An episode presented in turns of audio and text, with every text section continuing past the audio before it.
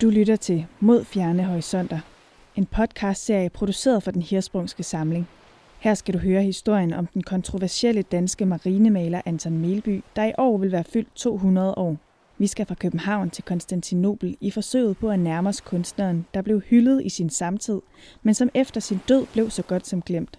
I det her afsnit skal du møde Torbjørn Tåb, som er museumsinspektør på Museet for Søfart i Helsingør. Du skal høre, hvordan dampskibet og den nye teknologi, der lå bag, fascinerede og farvede Anton Melbys kunstneriske udfoldelser.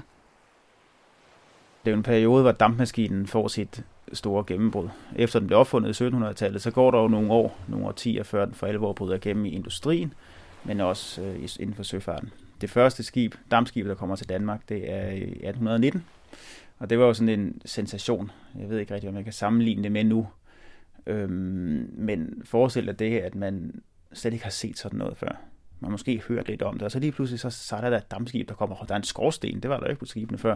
Der kommer røg op af den, og den kan sejle, når der er vindstille. Altså, sejlskib sejler jo sådan lidt populært sagt, som vinden blæser.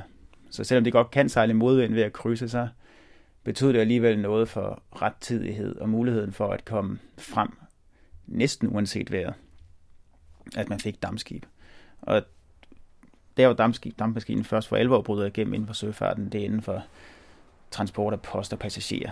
Altså typisk kortere distancer, men hvor det er vigtigt at være hurtig og rettidig. Mens på de længere distancer over verdenshavene, der holdt sejlskibene ligesom stand meget, meget længere. Og det skyldes jo, at en dampmaskine tager enormt meget plads ombord, det vil sige, at der er mindre plads til, til varer. Øhm, og de første dampmaskiner var heller ikke sådan super effektive, så man skulle også have enormt meget kul med. Så der var rigtig meget af det, hvor man ellers kunne tjene penge på at sejle med ting, blev optaget af den nye teknologi. Og det betød, at det mest var på de kortere distancer først. Som mit, jeg kunne forestille mig Anton Melleby, når han har bevæget sig rundt i Danmark, i hvert fald at sejle med dampskib. Selvom han maler skibe, så maler han jo i høj grad landskaber, altså eller vandskaber.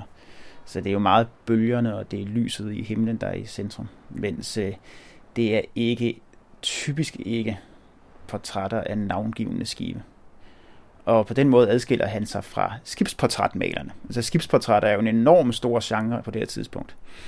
Øhm, men i skibsportrætter er det altid et bestemt skib, som bliver malet til skibsrederen eller kaptajnen ombord. Øhm, mens de her søstykker, eller det her marinemaleri, som Melby laver, det er, det er virkelig lidt mere naturen, der er i centrum, og knap så meget skibet. Denne bølge havde et fysionomi, et ondt eller truende blik, som om man kunne se, at den enten havde overvældet noget menneskeligt, eller om et øjeblik ville gøre det. Han har et rimelig godt blik for, og jeg tror også, han er interesseret i skibe. Øh, måske både fordi han selv har sejlet med dem, men øh, også fordi han generelt bare finder dem fascinerende. Og det er jo også en fascinerende situation, når man har det her lille, forsvis i forhold til naturen, lille menneskeskabt objekt, hvor vi alle sammen sidder i, og så bevæger vi os ud af det her landskab, som øh, i nyerne kan være ret farligt. Altså det, det tror jeg er en grundlæggende spændende fortælling. Melby behøver kun at lugte tang for at få et nyt maleri til at springe ud af sin fantasi. Det er jo i høj grad en fortolket virkelighed, hvor der er, der er, vægt, på, der er vægt på et drama netop. Øhm, men så tror jeg også, det går lidt hånd i hånd, og han, han er fascineret af, af det storledende i naturen, men også skibsteknologien. Og sådan en som, som hos Andersen for eksempel, som også rejser meget i den her periode, han skriver også nogle ting, hvor man tænker, at det er sådan hyggeligt og, gammeldags og traditionelt, men han var jo også enormt fascineret af fotografi, for eksempel, og af, og af, af tog, og, og lidt senere, så har vi Johannes V. Jensen, som er enormt kendt for Kongens Fald, som er en historisk roman, men han var jo også sindssygt fascineret af den moderne teknologi, øh, og det her enorme, voldsomme fremskridt. Så jeg tror også, hos nogle af de her mennesker, det gik sådan hånd i hånd på en eller anden måde. I afsnittet her hørte du også forfatter og forlægger Asger Snak læse uddrag op fra to anmeldelser af Anton Melbys værker –